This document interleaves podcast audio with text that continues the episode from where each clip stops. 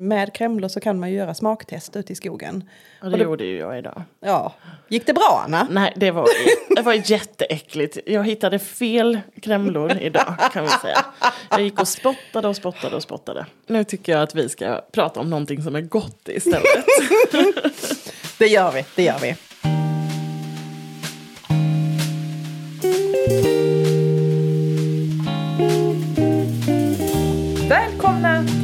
Till Annorlandet. En podd om att välja ett liv på landet med allt det underbara men också allt det skitjobbiga som det innebär. Stämmer den bonderomantiska drömmen? Ja, men det är det vi ska utforska i den här podden. Och ni kommer att träffa mig, Anna Lidbergius. Och mig, Anna Tenfelt. De två Annorna alltså. På landet. Annorlandet.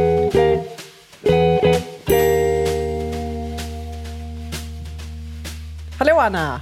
Hej Anna! Du, vi har hängt hela dagen idag. Ja, det har vi. Så himla härligt. Nu är vi ju tillbaka här i studion för att podda lite. Och idag gör vi en liten annorlunda take. Vi tänker väl prata lite grann om dagen idag. Mm. Ja, men vi tänkte berätta lite vad vi har hittat på idag. Eh, och, men sen så tänkte vi ju också ha en, eh, någon, något försök till någon form av eh, svampskola kanske Ja. för eh, nybörjare. Vi tänkte ju gå igenom några av svamparna som vi tänker är väldigt bra nybörjarsvampar. Som i alla fall var det för oss. Ja, precis. Instegssvampar. Ja, och alltså jag tänker att det är många av mina vänner i alla fall eh, och våra grannar och sådär som, eh, som tycker mycket om att plocka svamp men som inte riktigt vet vad det är de ska kolla efter. Och så är det lätt att den hamnar i det här med att ta men den gula kantarellen. det är det enda. Den, ja, det är den jag känner sig säker på. Så vi tänkte eh, prata lite om lätt igenkännliga svampar som är svåra att förväxla och svåra att göra fel med. Lite tips och råd. Lite tips och råd. Och så berätta vad vi har hittat på idag. Ja, ja. Men eh, vad är det vi har gjort idag då, Anna? Men du och jag, vi har ju tagit oss en välförtjänt svampplockardag tillsammans. En hel dag. Vi kom ju på det på vägen hem. Vi bara nu, nu har vi varit ute i skogen mer än en arbetsdag. Helt fantastiskt. Ja. Både du och jag kände nog att det här behövde vi. Ah, Så ljuvligt. Vi har planerat för den i flera veckor så vi kan väl bara vara tacksamma över att strålande sol, helt fantastisk dag ute. Mm. Ljuvligt. Och anledningen till varför det blev just idag var ju för att vi också skulle passa på att besöka Naturum i Kristianstad. Mm, mm. Där har ju vi sett innan att det skulle vara ett litet event idag. Vi, ibland så plockar man ju upp saker och ting som flashar förbi på, på Facebook. Och idag så skulle det vara en liten, liten drop-in stund från eh, två herrar. Jag kommer inte riktigt ihåg vad han heter. Vi får nästan kika på det här och lägga upp det på, på Instagram sen. Ja. Eh, men Vildplockat, som också är ett Instagramkonto. Eh, där man hade liksom möjlighet att komma dit med sin svampkorg. Eh, titta på några redan plockade svampar och andra vilda ätliga saker från naturen. Och få lite hjälp och, och arta det man själv hade med sig. Lite så här, skapa intresse. Kul initiativ ju. Jätte, jätteroligt. Eh, kanske inte så jättemycket för dig och mig som redan plockar många av sorterna som var där. Men det var ändå väldigt roligt att komma förbi och titta och att se att det var många andra som var intresserade. Och det var ju faktiskt en svampsort som vi tänker att vi vill, vill hitta som vi inte hittat. Mm. Eh, och det var ju roligt att få klämma, känna, lukta på den Ja, men framförallt. precis, särskilt också eftersom det är en svamp med en väldigt distinkt lukt. mm. Berätta du om den då. Ja, ja, men det här är ju en drömsvamp. Det är, eh, vad heter det nu? Nu ska vi se. Mandelriska, så vi säger rätt. Eh, och det är, ska ju vara en fantastisk delikatessvamp. Men den har en väldigt distinkt doft utav fisk och skaldjur. Mm. Och jag tror att jag har letat mig dum efter den. Eh, Men eh, uppenbarligen finns det ju någonstans här. För de här herrarna som stod och visade upp dem, de var ju också från Skåne. Så någonstans här i skogarna runt omkring så finns den. Det är bra. Det känns hoppfullt. Det känns härligt att det fortfarande finns svampar som vi längtar efter att hitta tycker jag. Mm, jag håller med. Jag håller med. Men du Anna, på tal om svampar vi längtar efter att hitta. Vi har ju tidigare pratat lite grann om den svarta trumpetsvampen. Den Och heliga jag- graalen. Ja, och när jag ringde dig när jag hade hittat den och skrek och var helt Och överlycklig. betedde dig. Ja, mm, underbart. Och idag var det din tur att hitta den för första gången. Samma ställe faktiskt. Och redan, eh, redan när vi skulle köra idag så sa jag idag är dagen. Idag kommer jag hitta den. Vi kör dit och idag kommer jag hitta den. Nu var det ju inte jag som hittade den först. det var ju du! Men jag blev ju så lycklig över att den stod där. Och sen hittade jag en själv. Ja, det var tyvärr inga mängder med svart trumpet. Nej, jag tror vi fick sex stycken. Ja, det var i alla fall tillräckligt för att du ska kunna Ska smaka smaska dem. lite grann. Mm.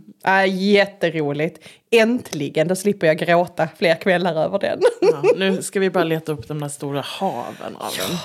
Jag blir ju nästan lite stressad när jag ser liksom alla inlägg på Facebook. Folk som stannar till och man ser liksom hur det bara sprider ut sig framför dem. Och de liksom, vi lägger ner flera timmar, jag låg här på knä och plockade och plockade, fick inte med mig allt. Nej, Ja. precis. Jag lämnade jättemycket svamp i skogen. ja, Men på tal om det så gjorde vi ju faktiskt en grej idag också som vi inte har gjort tidigare. Där vi använde oss utav svampappen, eller skogsappen, för att försöka hitta ja. mer utav den svarta trumpetsvampen. Kan inte Vilken du berätta? skog?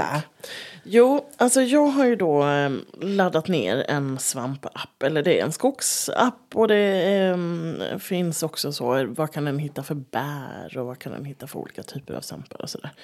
Eh, och den här har ju skrivits om lite grann i svampgrupperna på Facebook så att jag var lite nyfiken på att prova för att hitta nya ställen. Alltså de flesta av våra svampställen har ju vi hittat för att vi ser skogen och så säger vi så här till varandra. Här ser det rätt ut, säger vi. ja, och så går vi ut och luktar lite. Mm, ja, det här det känns bra. Rätt, ja. Nej, och eh, då tänkte jag nu kanske vi ska prova något lite mer vetenskapligt. och den här appen den hämtar ju eh, data från massor av olika platser. Och det är alltifrån eh, artdatabasen där folk registrerar att de har hittat olika svampsorter. Men också så register över vilken typ av skog Ja. det är på olika platser. Hur gammal den är och hur mycket fukt det är i marken och så. Eh, och, men vi tyckte väl att det gick så där va? Vi kammade ju noll med den. Ja, och vi var ju dessutom på ett av våra, alltså ett av våra absolut bästa svampställen var ju vi på idag. Där vi också hittade supermycket både trattkantarell och taggsvamp. Ja. Eh, och där sa appen att det inte fanns någon svamp alls. Nej. Nej, vi litar inte riktigt på den. Någonstans så blir man kanske lite sådär foliehatt själv och tänker att registrera folk på fel ställen för att lura bort oss. Nej, det tror jag inte. tror jag inte. Nej, det tror inte jag heller. Men med själva appen kammade vi noll. Men våra egna näsor ledde oss rätt idag.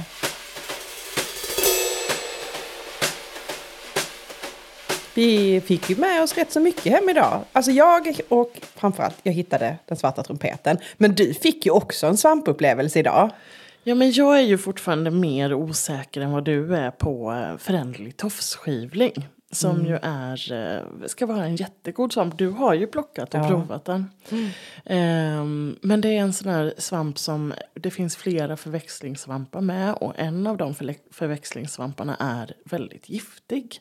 Så därför så måste du verkligen vara 110% säker på att du vet. Ehm, men idag hittade vi, eller jag hittade föränderlig tofsskivling och sen så tittade jag på den och så luktade jag lite på den och sen ropade jag på dig. Sa jag, Anna visst är det, visst är det rätt? Och då sa du ja det är det. Så jag artade den rätt idag. Jag tänker att jag kommer behöva några försök till innan jag känner mig 100% säker. Men jag är på väg dit tror jag. Ja, men det tror jag också. Och jag tänker så att den kommer ju inte vara en av nybörjarsvamparna vi går igenom idag. Den ligger mer åt slutborrshållet än de andra. Absolut. Mm, verkligen. Ja, men så det vi hade med oss hem idag, det var ju då den svarta trumpetsvampen. Ja. Eh, sen har vi hittat ett helt nytt kantarellställe. Du, så roligt det var. Jättekul. Ja, och liksom att gå i en skog där vi aldrig har gått tidigare. Och vi hittade rätt så mycket kantarell. Men en grej som inte var så kul var ju att vi glömde märka ut stället. Så nu får vi bara lita på att våra hjärnor kommer ihåg. Ja, precis, att de synkar med näsan. Mm, ja. Nej, och sen så har vi ju som sagt plockat massa trattkantareller på vårt säkra ställe. Och så hittade vi lite strävsopp. Men du, på tal om trattkantarellerna först. Det var ju förvånansvärt torrt ändå. Jättetorrt i Alltså, markerna idag. Men jag tänker ju så här att vi, både du och jag, vi torkar ju väldigt mycket av våra trattkantareller. Så det gör ingenting om de inte är helt sumpiga och vattenfyllda. Liksom. Det går mycket fortare, mycket smidigare och inte så bökigt att rensa. För trattkantareller är ju lite bökiga att rensa. De är ju så små. Ja. Nej, och på tal om små då så var det ju mycket som var på väg upp nu. Mycket pyttiga små trattkantareller som vi tänker att eh, nu ska det regna eh, en del, säger de, kommande tid. Så att eh, då tänker vi att om ett par veckor så kanske vi ska ge oss ut igen och, och se om de har vuxit till sig lite när de har fått lite, lite vatten. Åh nej. Nej, och sen så eh, fick du med dig några kremlor i din korg idag. Du, det blev inga kremlor i min korg idag. Ehm, både du och jag tycker ju att det är lite roligt med kremlor. De är otroligt svåra att skilja på. Ehm, där får man prova sig fram. Helt enkelt. Eh, man behöver vara säker på att det är krämlor. Annars så ska man inte ge sig på det. Men med krämlor så kan man ju göra smaktest ute i skogen. Och det gjorde ju jag idag. Ja, gick det bra Anna? Nej, det var, det var jätteäckligt. Jag hittade fel krämlor idag kan vi säga.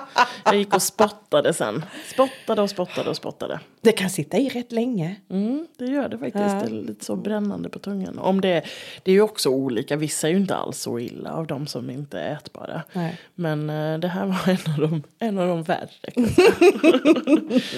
Men så sprang vi på lite blodsopp. Mm, du hittade någon fin. Ja, och det är ju en favorit. Dels så hittade jag ju många som inte var fina som jag lämnade kvar i skogen. Men, men så hittade jag ett par stycken små och söta, knubbiga. Lyxigt, lyxigt. Men vad hittade vi mer idag? Vi hittade ju taggsvamp till tusen. Massor av taggsvamp, Ja. och både rödgul Och taggsvamp och blek. ja. Och det är fantastiskt. Den kommer vi säkert att prata lite mer om i nybörjarsvampsdelen, tänker jag. Ja. Och sen så hittade vi ju, men det här är ju inte med i korgen hem. Men vi hittade ju en del riskor, bland annat skäggriska och pepparriska. Men de lämnar vi ju också kvar, även om de faktiskt räknas som en god matsvamp. De säger att den ska vara god. men det är ju en av de där svamparna som måste avkokas massa gånger. Och hållas på och så. Där. Man- Jag vet inte, i- Finland kallar man, man kallar det också finska riskor. För att man ska hålla på med de här avkoken och det ska saltas. Och verkar ju jättebökigt för att göra någonting äckligt ätligt. Ja, nej men och vi tycker bara helt enkelt inte att det är värt det jobbet. För det finns så mycket goda svampar som är goda utan att hålla på och tramsa. Så att vi, vi lämnade skäggriskorna och pepparriskorna till någon annan. De står kvar till er där ute i Ja. skogen. Mm. Däremot så plockade vi ju en sak som luktar illa idag. Just det. Du ska få ta hem och prova den. Åh, nu har ju du tvingat mig att jag måste prova. Ja, ja, jag gör det inte. Det finns ju en svamp som heter mjölskivling. Och den här, det är ju en ganska vanlig svamp. Ehm, som går att hitta i massor av olika typer av skog och sådär. Jag växer många gånger längs med grusstigar och sådär när man går ute i skogen. Ja, och den är ju väldigt lätt att känna igen på lukten, inte minst. För vad luktar den här svampen, Anna? Vissa säger mjöl, vissa säger gurkvatten. Men vi tycker att den luktar sperma. Ja. Alltså den Ja, luktar starkt av sperma. Och det gör ju att du vägrar prova den. Jag tycker att det luktar vidrigt.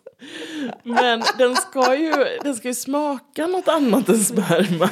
Ja men folk säger ju att det här ska försvinna vid upphettning. Att då ska det liksom försvinna att man, det här ska kunna vara en fantastisk matsvamp och blandsvamp. Men redan när jag tar upp den, alltså det är så att det vänder sig. Fy! Ja, det är lite så kvällningar. Alltså, det är ju Unket. verkligen eh, en, en speciell doft.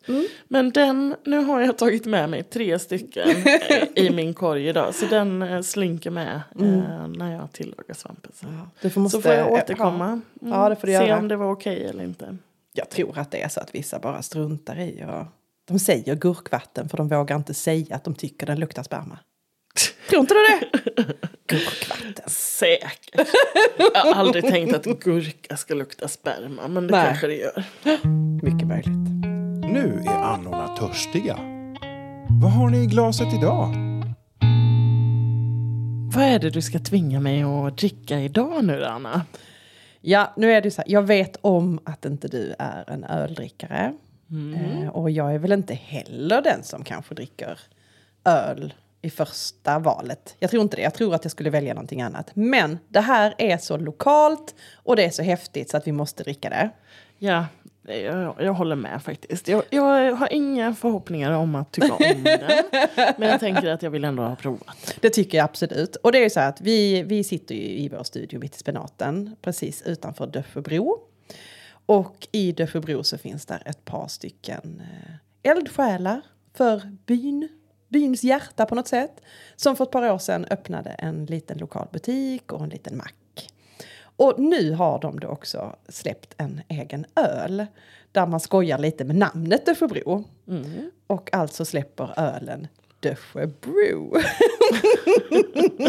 och det är för fyndigt för att låta bli. Eller hur? Ja, men, och den här eh, är ju en folköl, eller hur? Precis, det är en folköl. Det är en tjeckisk lager som de brygger i Tjeckien med hjälp av ett annat bryggeri som heter Österlenbryggarna som finns på Österlen, alltså utanför Brösarp. Eh, och eh, jag tror att det heter för Brösarp i alla fall. Men i alla fall, eh, den här lilla ölen släppte de i somras. Och de släpper denna och de släpper också en helt alkoholfri som heter Döfebro Nollan. Så att jag tänker att vi ska smaka på den. Ja, men vi provar. Ja, det gör vi. Skål! Skål!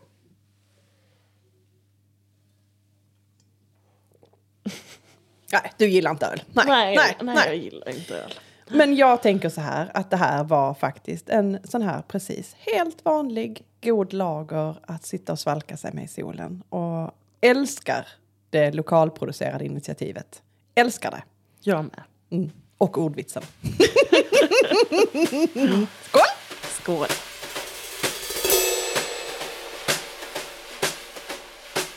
Nej, nu tycker jag att vi ska prata om någonting som är gott istället.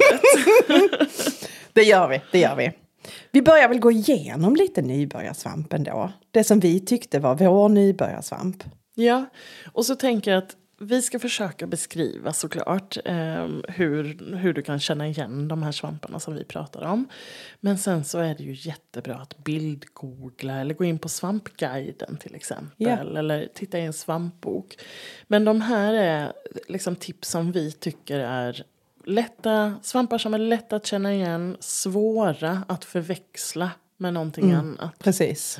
För det är väl framförallt det man är rädd för. Man vill kunna undvika förväxlingsarter. Man vill hitta saker som är säkra kort helt enkelt. Ja, och där du framförallt vet att det inte är något giftigt som du kan förväxla det med. För det är ju faktiskt en stor risk. Alla svampar behöver man ju inte kunna för att förväxlingsarterna är också ätliga. Ja, precis.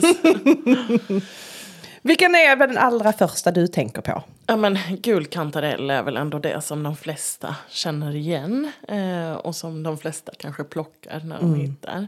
Och jag tänker det är ju en väldigt tacksam nybörjarsvamp. Den är ju, alltså den lyser ju upp. Du ser ju den ofta på långt håll. Ja. Om den inte gömmer sig, den kan ju gärna gömma sig under gräs som den gjorde idag. Eller under löv eller sådär. Nej, men jag tänker också att den är nog absolut det första. Och det som jag tänker på som är distinkt för en, för en kantarell det är ju åsarna. Alltså på undersidan utav hatten. Att den inte har skivor. Den är inte slät och den har inte skivor utan det är som små åsar istället. Det ser liksom lite strimmigt ut eller vad man ska säga. Ja. Det tänker jag det är nog liksom det typiska. Och att den är väldigt, väldigt gul för det mesta. För det mesta får jag säga, för den finns faktiskt i rätt så många olika pigmenterade former. Allt från ju. väldigt ljust gul, beige, nästan till mer lysande orange. Plus att det finns några andra som också blir lite lila tonade. Men de behöver vi inte prata om. Nu pratar vi om den som är vanligt gul. Eh, Den är också en väldigt fast svamp, den doftar otroligt gott. Alltså alla som har stuckit näsan i en svampkorg och dratt in den. Alltså det är så aromatiskt så det är, man blir nästan lite yr. Eh, Men sen också är det att den är alltid fast. Eh, den är inte ihålig i sin fot. Köttet är lite trådigt. Man kan liksom dra isär den något. Den bryts liksom inte om du skulle försöka knäcka den utan den blir strimmig och dragig, trådig. På insidan så ska den vara vit. Alltså inte gul, inte åt det bruna hållet. Det är liksom, då har man hittat en kantarell om den uppfyller alla de kraven. Mm.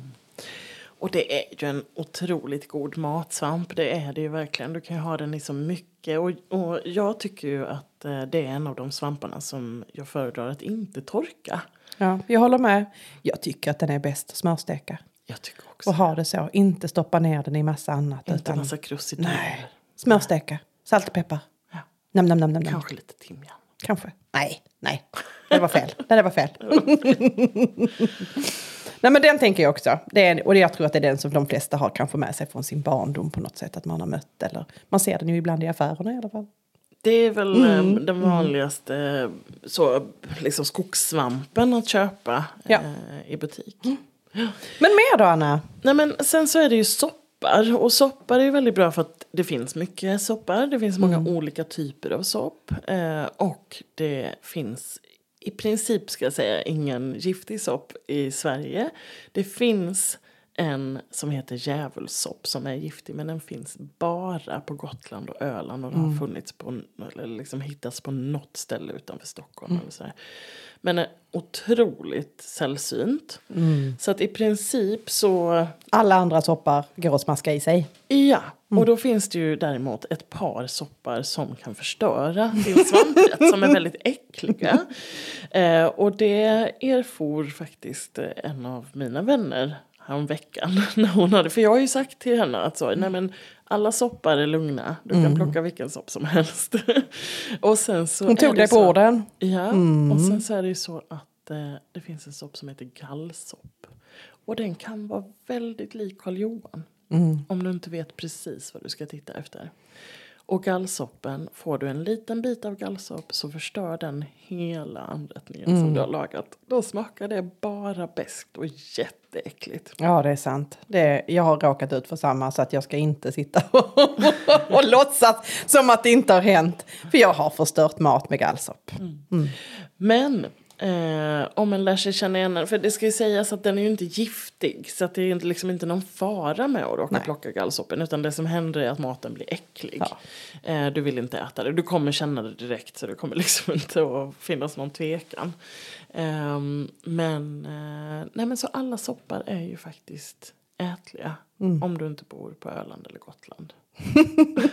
Och det som är egentligen, jag tänker så här, soppa känner man ju igen för att de inte har skivor under till. De har inga taggar, de har inga åsar, de har små rör. Och det är ett litet lager, delar man på det så ser det ut som att det är två skikt. Liksom. Att det är först en fast svamp och sen så är det liksom ett svampigare yta under. Som är som små trådar som sticker utåt. Eh, och det är liksom själva rörlagret. Och det kan bara komma i olika färger och olika tätt. Ju äldre svampen blir desto, desto mer svampigt och upplöst blir det här rörlagret. Och då kan det vara rätt så gött att peta bort det. Man vet heller inte riktigt vem som gömmer sig i det. Nej. Nej, men när de är unga och fasta och fina så brukar vi ju behålla Ja, rörlagret. absolut. Det är inga problem att äta det. Och särskilt inte om man ska torka dem, då blir de jättefina många gånger också. Ja. Men eh, det finns ju jättemånga olika typer av soppar. Eh, idag har vi ju plockat lite strävsopp till exempel. Och det finns ju flera olika strävsoppar också.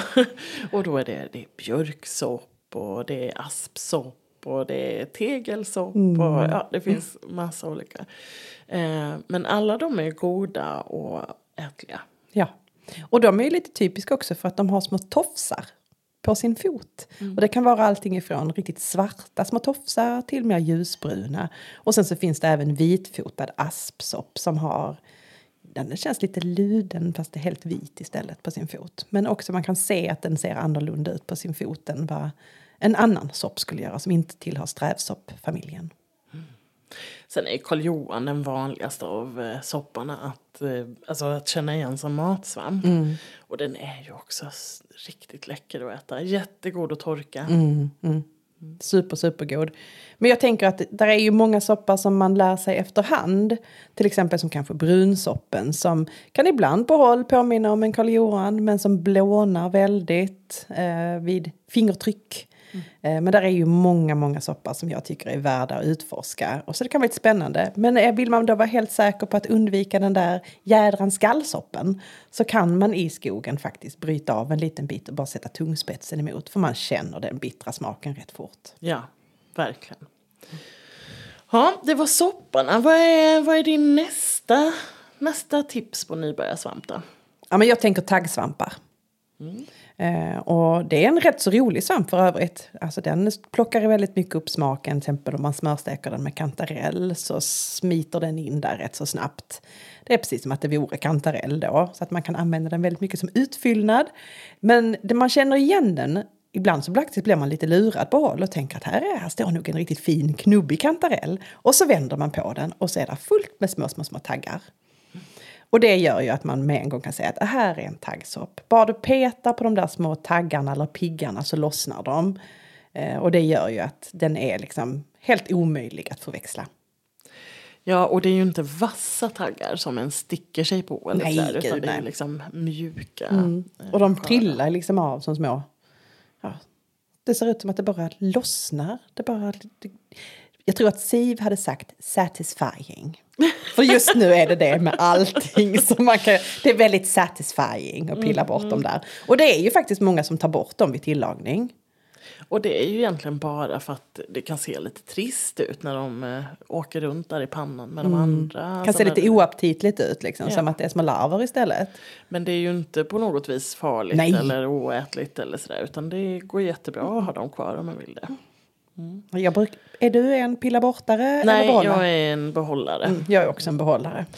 Men, eh, nej men och den är ju också fast i köttet. Och som du sa, väldigt bra blandsvamp. Kanske framförallt då med kantarell.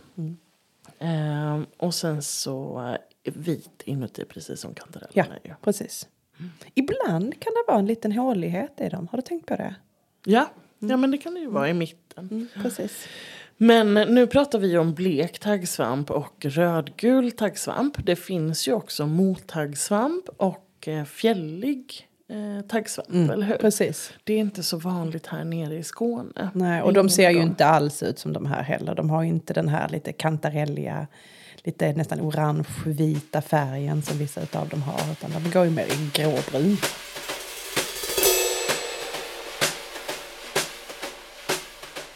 Du, trattkantareller som vi har plockat idag. De har ju en förväxlingssvamp som är jätte, alltså jättelätt att förväxla med. Och det är ju den rödgula trumpetsvampen. Mm. Den har jag förstått att det är otroligt många som har svårt att se skillnad på. Ja. Men det gör ingenting. För att de är båda två supergoda matsvampar. de smakar inte likadant. Men, Men båda smarriga. två är jättebra matsvampar.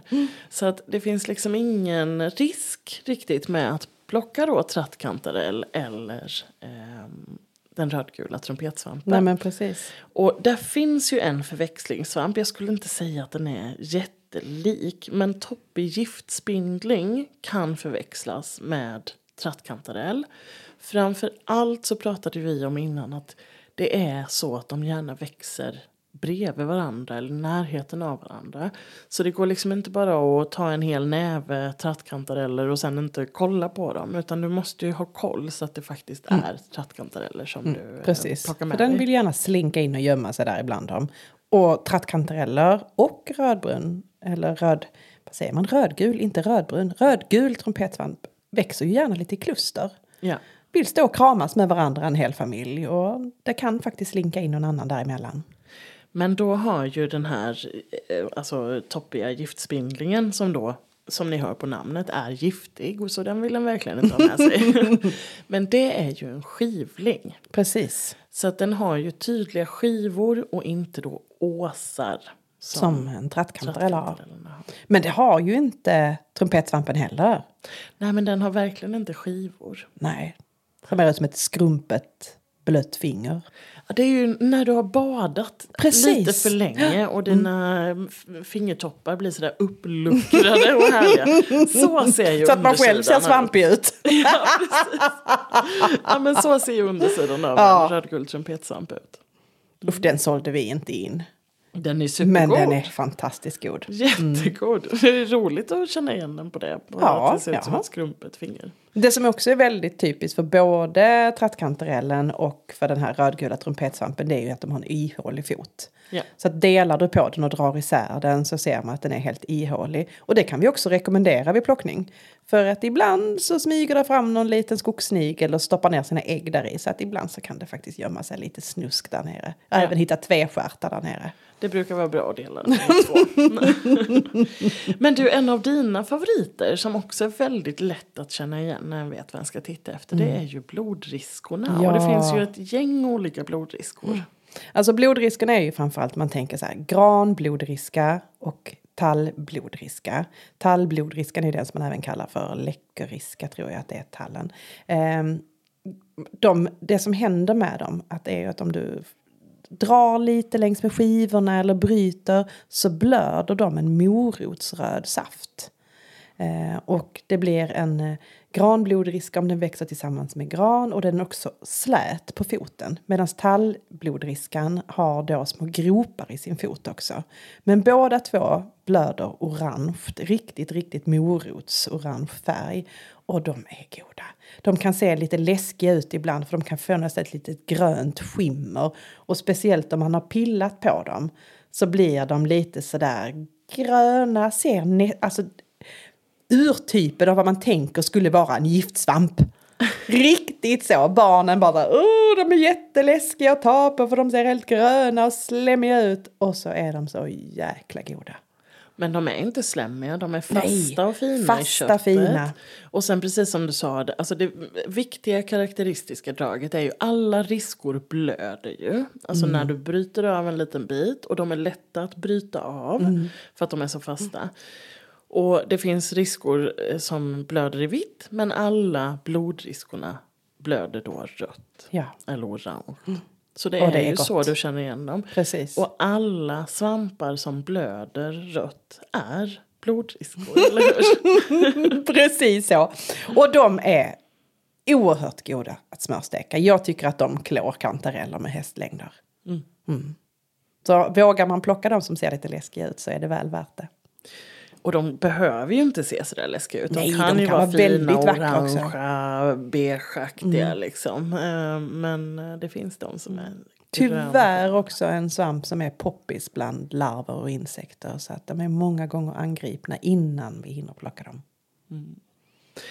Nästa svamp då som vi har pratat om Anna, det är ju också lite av en eh, favvis hos dig, eller var det i alla fall innan du ehm, samlade alla och bara åt av den. Det är ju citronslemskivlingen. och då berättade ju du, för att vi brukar ha det som blandsvamp, både Precis, du och jag, ja. blanda upp det med andra svampar och sådär. Men så sa du att häromveckan så Mm, vi plockade ni så det. många och då så åt ni bara det. Mm. Citronslemskivlingen, le- ja, som hörs på namnet, lite slemmig.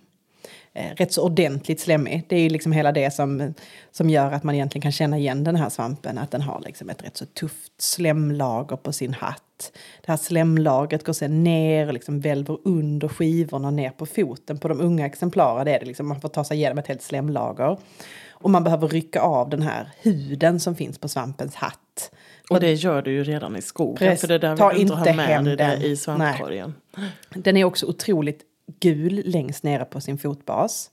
Den är neongul skulle jag vilja säga. Och själva hatthuden går någonstans mellan lite så här gråviolett skulle jag nästan vilja säga. Lite, lite så här mullvadston, lite gråviolett i den.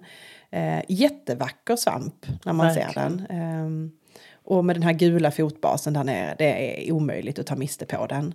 Men, precis som du sa, häromveckan så plockade vi mängder med sådana. För vi var iväg med vår husbil Rulla-Britt ute i blekingska skogarna och plockade på oss mängder utav dem. Och så bestämde vi för oss, ja, men ska vi inte bara steka de här nu? Liksom verkligen känna igenom hur smakar den här svampen? För de är lite annorlunda. De har en väldigt tydlig syrlig smak. Man skulle kunna tro att den hette citronslemskivling för den citrongula färgen. Men det är ju faktiskt citronsmaken som går igenom. Den ska till exempel jättegod med, med fisk. Eh, men då stekte vi alltså en, en, en hel stekpanna med dessa och skulle liksom smaka på. Och det var bara slidrigt. Syrligt och slidrigt. Inte längre en favorit. Fast den kan ju Men- fortfarande vara toppen som blandsvamp. Alltså det är Ja. härligt att få in den där syran tillsammans med umamin liksom. Med Precis. resten av svampen. Och så tänker jag att som en nybörjarsvamp, jättekul att ha en att känna igen. verkligen. Ja men det här neongula just vid foten och sen så det slemmiga överdraget på hatten. Och det drar du av och lämnar i Ja, skogen. ja, det är bara snuskigt.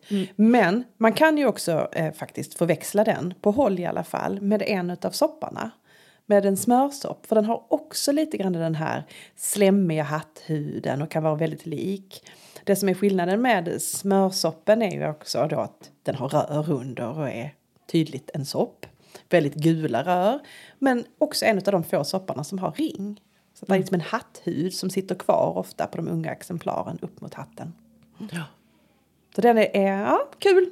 Så att förväxlar man den så plockar man en sopp istället. Så det var väl inte hela världen. Nej, och så, som du nämnde nu, alltså en skivling har ju skivor. Mm. Och soppen har ju de här rörlagren som är är väldigt tydliga. När en lär sig känna igen dem så kommer du inte förväxla någonting annat Nej. med sopparna. Men eh, du, stolt fjällskivling är ju också en favvo både hos dig och mig. Ehm, där brukar vi ju ta av foten och torka den och sen använda som krydda. Eller det gör jag i alla fall. Mm, vi också. För den är inte så god att steka. Det är bara torrt och väldigt träigt. träig. Ja. Eh, men däremot så har den ju ofta stora, stora fina hattar som man kan använda.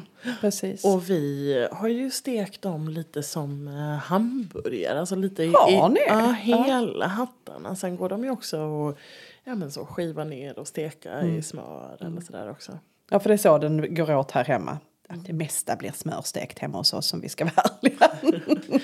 Men du, alltså den stolta fjällskivlingen, där finns det ju faktiskt förväxlingssvamp. Och det är rätt många som är lite oroliga för just att plocka den. För att den rådnande, eller vi ska säga de rådnande fjällskivlingarna, där finns det ju några giftiga. Mm, precis. Eh, och de är ganska lika.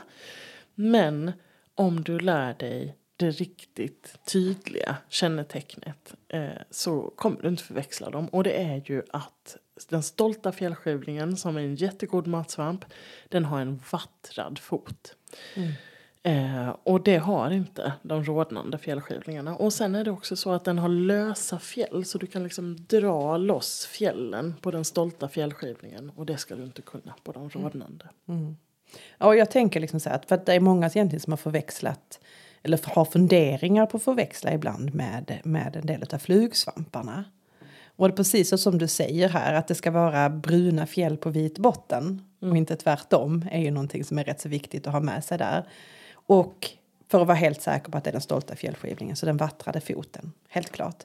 Men vattrad, alltså innan jag visste vad ordet vattrad var, jag plockade det långt innan, jag aldrig hört talas om det, utan för mig var det det här, de har ett litet zigzagmönster nästan på foten. Skulle man kunna säga. Lite strimmig, lite zigzackig, där är ett litet mörkare ton. Det ser liksom ut som att den är inte slät helt enkelt på sin fot. Den är nästan lite, eller jag skulle beskriva det som lite prickig. Liksom. Den är inte riktigt prickigt heller. Men det tänker jag är någonting som vi, dels lägger vi ju såklart ut bilder på de här svamparna som vi pratar om nu. På vårt Instagramkonto. Eh, men sen så eh, går det ju också att bildgoogla tänker Ja, jag. Och det är viktigt att göra det så att ni faktiskt ser det här som vi beskriver. Att ni ser det på bilder så att ni lär er känna igen. För vissa är ju absolut mer vattrade och vissa är mindre. Eh, Men det är det man kikar efter. Och sen så har ju Stolta fjällskivlingen också en lös ring. Men den kan ha trillat av. Ja, Det, kan har vi. Så att det liksom, man kan inte vara helt säker på det. Den brukar jag bara, det, när jag hittar stolt fjällskivling då stoppar jag den där ringen rakt i munnen. Bara. Gör den du? Som den är. Ja, så god. För jag lär mig. Men du, jag har ju en svamp som jag önskar att vi plockade mer utav. Och det handlar ju inte för att vi inte vill, men vi hittar inte den så ofta. Och det är blomkålssvampen. Ah, det är så gott. Den är ju otroligt jobbig att rensa, Mm. tycker jag. Men väl värt jobbet. Mm. Den är ju otroligt svår att eh, förväxla med någonting annat. Det ser ju ut som en stor jävla tvättsvamp. Ja, jag brukar säga att det ser ut som en hjärna. Mm. Men du tänker att det ser ut som en sån här gammeldags tvättsvamp. Precis, du vet de här lite så här korallsvamparna liksom som var Ja. mjuka. De här naturtvättsvamparna, inte en sån som man köper i som är lite rosa på ena sidan och Nej. grön på andra sidan. Utan, utan verkligen den här gamla sorten tvättsvamp. Nej men och det är ju, eh, den heter ju blomkålssvamp för att den ser ut som ett blomkålshuvud lite grann också. Fast mer som en tvättsvamp. Mer som en tvättsvamp, jag håller med. Jag håller med. Men den är ju jättesvår att förväxla. Den växer också alltid vid en tall.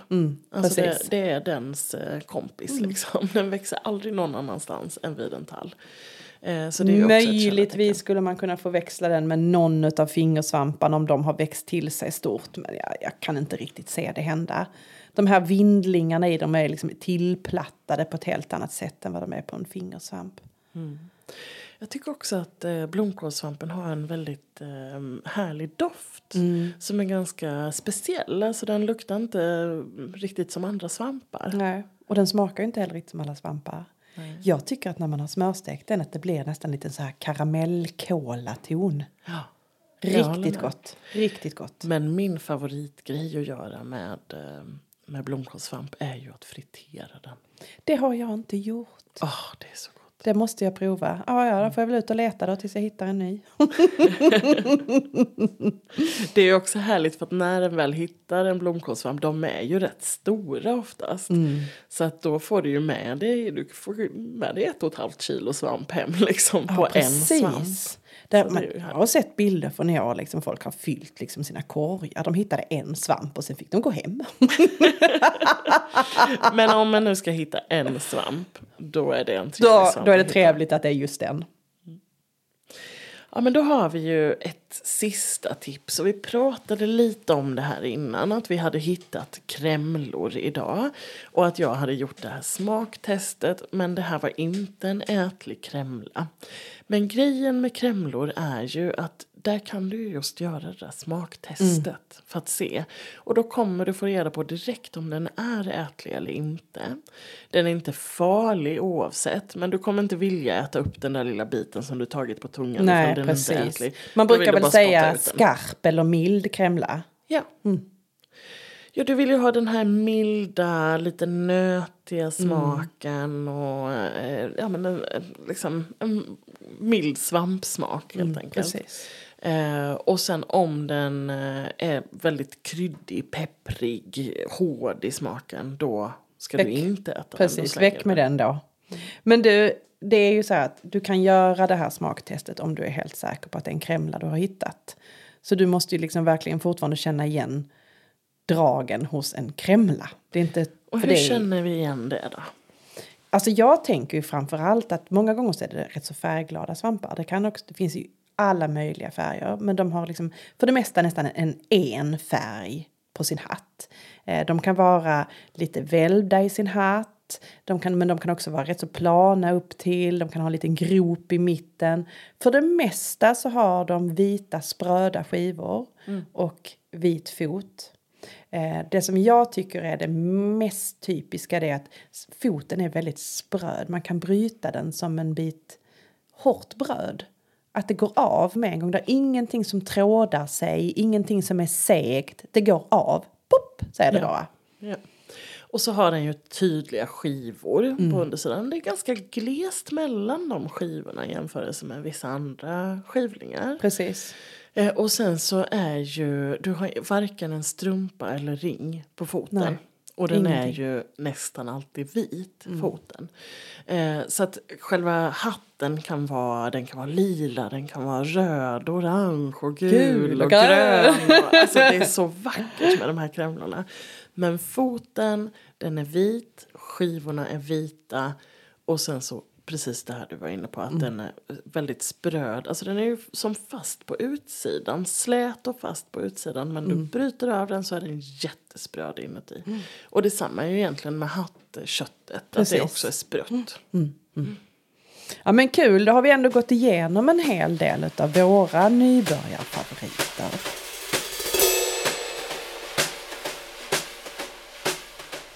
Men om det nu är så att man vill börja gräva ner sig i det här med svampletandet.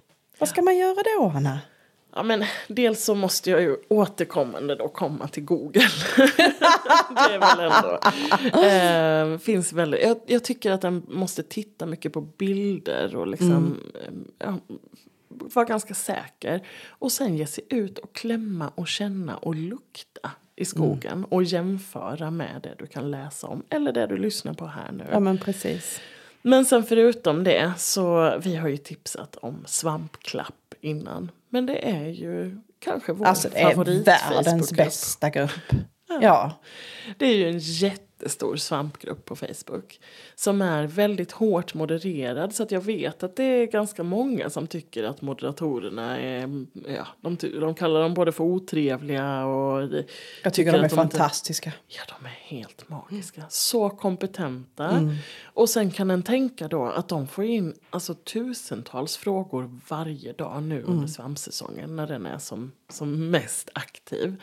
Eh, och det går inte att sitta och hålla på och gulledutta och vara superövertrevlig med varje person. Alltså de svarar ju, det är inte som att de är otrevliga, de svarar ju rakt.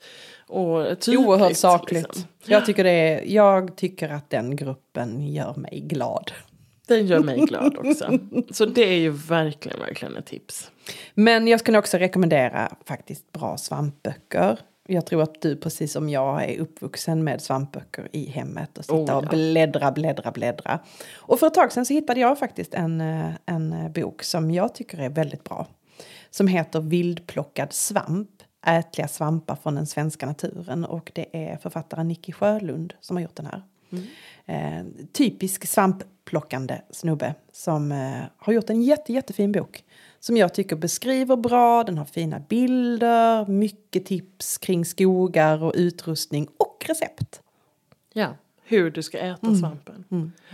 Ja, den är superfin verkligen. Så Och det, faktiskt, Nicky hade ju en, eh, en eh, livesändning för inte sådär jättelänge sedan. På Naturkompaniet var. Du och jag var inne och kikade innan och såg att den ligger kvar och eftersänds. Så att man kan klicka sig in på Naturkompaniet och, och titta på den här sändningen där, där Nicky presenterar och går igenom flera stycken olika ätliga svampar. Jätteroligt. Sen finns det ju också svampkurser om man vill eh, bli lite mer avancerad. Så finns det ju både på högskolenivå och sådär som, Mm. som vi har börjat fundera på att gå. Men eh, det finns ju också på studien och studieförbunden och Naturfrämjandet och liknande. Alltså där du kan gå ut och vara med en dag i Ja. skogen. Och Tillsammans med en jättemånga. svampkonsulent. eller Precis. Ja. ja. Så att jag tror ju att, att få gå ut i naturen och ta och känna på dem med någon som kan är nog... Jag tror att den här erfarenhetsbaserade inlärningen är det bästa när det kommer till att plocka svamp. Men ibland behöver man ha lite förkunskap så man ens vet vad det är man ska börja titta efter. Ja, och sen tänker jag om man inte känner någon som kan jättemycket om svamp. Då tycker jag att det här är en bra början. Att, alltså de svamparna vi har pratat om nu och beskrivit.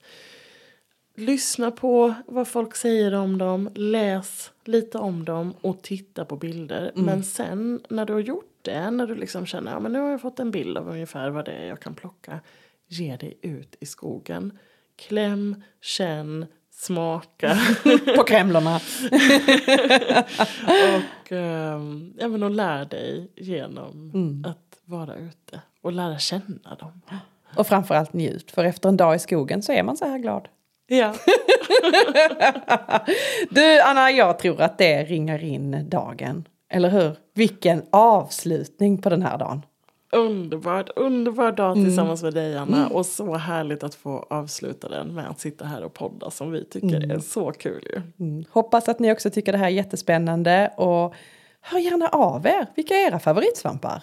Ja, och gå in och titta på höjdpunkter på vårt Instagramkonto där vi också lägger upp alla svampar som vi har pratat om idag och ja, lite allmän så kunskap och tankar och eh, så kring svamp. Kul! Hörrni, vi hörs igen. Tack för idag! Tack för att ni lyssnar. Du har hört ett avsnitt av Annorlandet med Anna Lidbergius och Anna Tenfelt. Inspelat i Studio Mitt i Spenaten. Musik och ljudbearbetning av Rasmus Lidbergius och producerat av Henrik Smeding och Rasmus Lidbergius. Vill du komma i kontakt med annorna? Skriv till dem på hej annorlandet.se eller på Instagram. Annorlandet presenteras i samarbete med Amplify Management.